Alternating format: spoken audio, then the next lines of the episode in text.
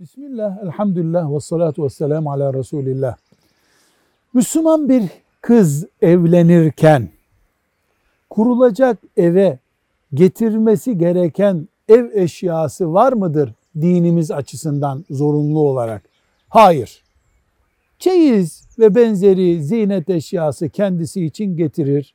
Örf bu konuda bir kural koyduysa o kurala uyulabilir ama bir evde yaşamak için gerekli olan elektriğinden, suyundan, gazından, yatağından, buzdolabından, halısına kadar ne varsa bunu temin etmek erkeğin görevidir. Kadını dinimiz bu konuda masraftan muaf tutuyor. Ev kurulurken, yaşantı devam ederken. Velhamdülillahi Rabbil Alemin.